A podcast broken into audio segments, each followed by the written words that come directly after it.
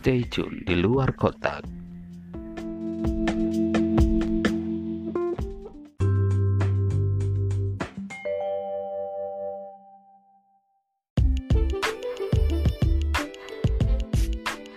Assalamualaikum warahmatullahi wabarakatuh. Apa kabar sahabat luar kotak semuanya? Senang sekali saya bisa menyapa teman-teman pada hari ini Di edisi tanggal 25 September 2019 hari Rabu ya pada kesempatan kali ini juga saya mau mengetengahkan diskusi kita hari ini terkait dengan perawat ya, sebuah karir atau sebuah profesi yang amat penting di pelayanan kesehatan.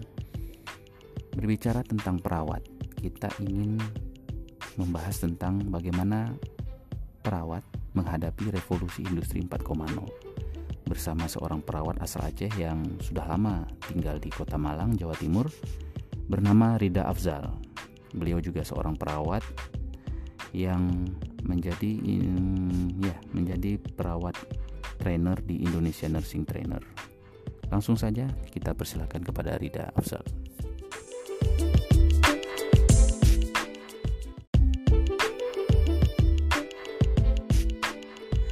Oke, terima kasih Bang Andi. Tentunya senang sekali pada kesempatan ini uh, kita bisa membahas tentang tantangan perawat di era zaman milenial. Sebelumnya saya ingin menyapa teman-teman sejawat dan seperjuangan. Assalamualaikum warahmatullahi wabarakatuh. Uh, perkenalkan nama saya Riza Afzal, asal dari Sigli, lulusan program studi ilmu keperawatan tahun 2016 dan saat ini sedang bekerja di sebuah lembaga training uh, yaitu Indonesian Nursing Trainers di Malang, Jawa Timur. Nah, berbicara tentang uh, tantangan perawat di era milenial ini, saya coba mengklasifikasikan ke dalam dua hal, yaitu tantangan dari segi internal dan juga tantangan dari segi eksternal dari segi internal yang pertama sekali harus kita bangun mindset kita sebagai uh, seorang perawat dan juga mahasiswa keperawatan. Berpikir positif. Nah itu ya hal yang paling mendasar uh, dalam kita melakukan uh, segala sesuatu harus berpikir positif dan juga berpikir ke depan. Uh, di bidang kesehatan ini uh, mempunyai berbagai permasalahan yang uh, sangat rumit dan kom kompleks sekali. Nah, oleh karena itu pola pikir kita harus ke depan dan juga uh, kita berpikir out of the box, berpikir di luar kotak, jangan monoton karena apabila kita terus-menerus menggunakan metode-metode yang uh, tradisional saya katakan uh, itu akan tertinggal oleh zaman. Maka mindset yang harus kita gunakan haruslah uh, keluar dari kota. Nah, itu kita guna, kita sebut dengan out of the box. Nah. kemudian yang kedua itu planning. Seorang perawat seorang mahasiswa keperawatan itu harus membuat uh, planning dalam uh, menghadapi uh, era milenial ini. Yang pertama ada uh, planning jangka pendek. Sebagai seorang mahasiswa keperawatan harus mempunyai mempunyai uh, planning-planning uh, jangka pendek apa yang harus dia tempuh selama dia menjalani perkuliahan dan apa yang harus uh, dia capai saat setelah menyelesaikan program studi.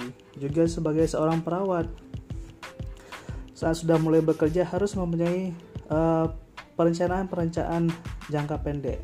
Apa yang harus dia tempuh dalam setahun ke depan dalam dua tahun ke depan. Nah kemudian ada program jangka panjang. Sebagai seorang mahasiswa keperawatan harus menyusun program-program perencanaan-perencanaan yang harus dia capai dalam jangka panjang. Misalnya ketika setelah dia lulus dia itu harus bekerja di mana nah, itu harus diplanningkan juga sebagai seorang perawat yang bekerja di uh, layanan uh, kesehatan seperti puskesmas, uh, balai kesehatan, kemudian di klinik, di rumah sakit. Nah, itu harus mempunyai uh, perencanaan jangka panjang. Apakah uh, selamanya saya akan bekerja di rumah sakit? Apakah selamanya saya akan bekerja di uh, klinik ataupun um, pada uh, zaman sekarang itu saya harus bekerja di uh, ranah lain gitu tanpa mengurangi uh, apa pribadi dia sebagai seorang perawat. Oke. Okay. Yang ketiga tantangan kita sebagai perawat di era milenial ini harus melakukan action. Setelah kita melakukan perencanaan perencanaan kita melakukan action. Dari segi mahasiswa harus uh, mau berorganisasi. Kemudian juga uh, mempunyai multi talent ataupun multi skill juga sebagai seorang perawat. Tidak tidak boleh hanya memiliki hmm, ilmu keperawatan saja. Kemudian harus um, belajar bahasa Inggris bahasa Jerman Belanda kita bisa menggunakan uh, gadget kita. Sekarang sudah sangat canggih uh, kapan pun di mana pun kita bisa belajar uh, bahasa. Dan bahasa ini sangat penting untuk menghadapi uh, era-era uh, modern ke depan. Kalau kita tidak mampu berbahasa maka kita akan merasakan kesulitan dan akan tertinggal kemudian memperbanyak networking Nah, selama perkuliahan, selama kita bekerja, itu kita perluas networking kita. Selanjutnya, untuk uh, menghadapi uh, era industri 5.0 ini, jangan uh, orientasi kita terhadap rumah sakit. Gitu. Rumah sakit bukanlah menjadi orientasi pada saat era sekarang. Nah, beralihlah ke industri pelajari uh, eh, OHN Occupational Health Nursing yang mana OHN ini tidak diajarkan di kampus. Nah, uh, pada saat kita mahasiswa ataupun yang sudah jadi perawat sekarang, coba kita pelajari OHN uh, eh, itu. Kemudian mencari ilmu tentang entrepreneurs for nursing yang cocok dengan zaman kekinian. Karena apabila kita uh, melakukan hal-hal yang bersifat masih tradisional, tidak mau mengembangkan diri, tidak mau terjun ke dunia entrepreneurship, maka kita kita akan kalah di zaman uh, milenial ini. Oke. Okay. Kemudian yang keempat ada evaluation. Kita harus mengevaluasi diri pada saat sekarang ini sudah sampai di mana sih kemampuan saya gitu kan. Kita harus punya yang namanya nursing uh, skill list dan non nursing skill list. Apa itu nursing skill list? Itu semua kompetensi yang kita punya sebagai seorang perawat harus uh, punya daftar saat seorang mahasiswa keperawatan lulus dari kampusnya itu punya list kompetensi yang uh, dia mampu lakukan dan juga uh, list non uh, nursing skill itu kemampuan-kemampuan di luar uh, keperawatan yang harus uh, dimiliki. Oke, kemudian yang kelima uh, orang tua dan keluarga. Terkadang uh, orang tua mindsetnya juga uh, masih menggunakan era zaman uh, orang tua tersebut di mana uh, anaknya itu tidak boleh bekerja jauh gitu. Jarak menjadi suatu uh, halangan. Sedangkan pada saat uh, era modern ini jarak bukan lagi menjadi suatu halangan dalam berkomunikasi kita bisa menggunakan uh, telepon, bisa video call dan bisa berkomunikasi kapan saja. Bahkan kalau kita berbicara tentang jarak, mungkin uh, kita dengan saudara kita yang tinggal satu kampung seminggu sekali belum tentu jumpa. tapi yang jarak jauh setiap hari bisa saja uh, berkomunikasi gitu. dan selagi masih muda uh, perawat-perawat muda ini yang fresh graduate silakan untuk um, menjelajahi dulu untuk merantau terlebih dahulu. Nah ini dari segi family orang tua harus uh, mendukung. Oke itu tentang uh, internal. Nah tantangan perawat di era milenial dari segi eksternal itu yang pertama kampus ataupun pendidikan uh, kita lihat dari segi kurikulum. Nah, kurikulum keperawatan saat ini harus sudah direvisi harus sudah diubah. Tidak boleh menonton seperti zaman uh, perawat 30 tahun yang lalu. Sekarang sudah sangat berbeda. Kalau kurikulum keperawatan masih sama seperti zaman dahulu, maka perawat e, sendiri hmm, tidak bisa bersaing di era e, global. Nah, kurikulum tersebut e, haruslah e, student oriented, yaitu hmm, sesuai kebutuhan mahasiswanya. Kalau dulu kita kuliah itu kita mengikuti kampus. Nah, sekarang di zaman sekarang itu kampus harus mengikuti mahasiswa, harus menyesuaikan tentang kebutuhan mahasiswa. Dan juga harus membuka prodi-prodi baru. Nah, ini sangat menarik uh, kenapa? Di zaman uh, milenial ini, di zaman uh, global ini, harus dibuka prodi-prodi baru di keperawatan. Contoh IT nursing. Kemudian bisa entrepreneurs, itu harus ada prodi-prodi khusus. Jadi jangan hanya ada fakultas keperawatan, kemudian ada prodi keperawatan, eh, prodi profesi nurse. Nah, sedangkan kalau kita lihat di profesi yang lain misalnya fakultas teknik ada berapa uh, jumlah uh, prodi-prodinya dan terus membuka prodi-prodi baru. Nah, kenapa di keperawatan hanya monoton program studi keperawatan, uh, profesi nurse dan juga ada S2 tapi tidak ada membuka prodi-prodi yang baru. Padahal tuntutan, tuntutan zaman sekarang ini sudah sangat sangat luar biasa. Bagaimana kita bisa menguasai uh, era global kalau uh, perawat ini tidak paham tentang uh, eh, IT uh, maka uh, membuka prodi baru uh, seperti IT nursing itu sangat bermanfaat dan sangat mendukung untuk kebutuhan era sekarang. Nah, harus juga ada lab bahasa, tidak hanya uh, lab nursing saja, harus ada lab uh, bahasa. Karena kenapa?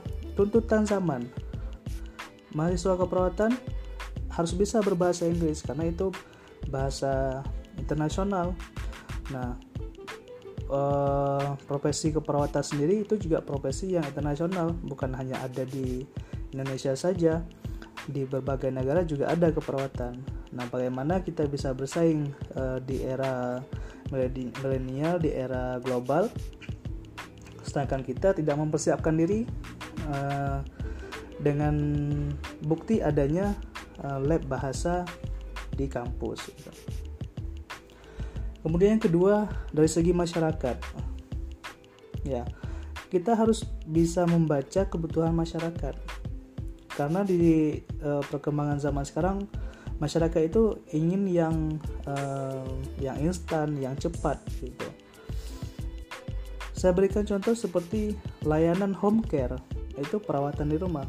Di mana uh, pada saat pasien di rumah sakit yang masih butuh perawatan akan tetapi hmm, waktu rawatannya itu sudah habis. Misalnya suatu penyakit yang membutuhkan rawatan lima hari dan hari ke-6 dia sudah harus pulang. Sedangkan dia itu masih butuh rawatan. Nah otomatis masyarakat membutuhkan uh, perawatan di rumah. Nah ini harus dibaca oleh uh, perawat itu sendiri sebagai kebutuhan masyarakat. kemudian ada terobosan-terobosan baru yang uh, dibutuhkan oleh masyarakat seperti halnya kursi mobil untuk ibu hamil Nah, ini kebutuhan untuk masyarakat. Bagaimana seorang ibu hamil yang melakukan perjalanan jauh, uh, dia butuh uh, kursi yang nyaman untuk uh, dia sebagai seorang uh, ibu yang sedang hamil. Nah, uh, ini ke depan akan menjadi terobosan-terobosan baru untuk keperawatan yang tidak hanya uh, setelah lulus orientasinya bekerja di rumah sakit. Nah, ini harus kita baca. Selanjutnya organisasi profesi. Nah, itu harus membuka diri dengan program-program yang melibatkan lembaga-lembaga non keperawatan karena di era uh, industri ini kita tidak bisa bekerja hanya uh, satu lintas saja keperawatan akan tetapi kita harus bisa dan mampu bekerja sama dengan lembaga-lembaga lain di lintas sektor juga yang sangat mendukung untuk uh, kebutuhan uh, di era zaman global ini uh, membuka balai pelatihan. Nah, organisasi profesi bisa membuka uh, balai pelatihan di mana um, hal ini bisa membantu perawat tersebut dan perawat, membantu perawat sendiri agar tidak mengeluarkan beban biaya yang sangat berat di mana perawat untuk mendapatkan suatu pelatihan harus mengikuti pelatihan-pelatihan hmm, yang jauh dan mahal. Kalau ini bisa diorganisir oleh uh, organisasi perawat dalam hal ini PPNI itu akan sangat bagus. Nah, PPNI punya sebuah uh, gedung di mana uh, gedung itu bisa dimanfaatkan untuk uh, pelatihan uh, skill keperawatan.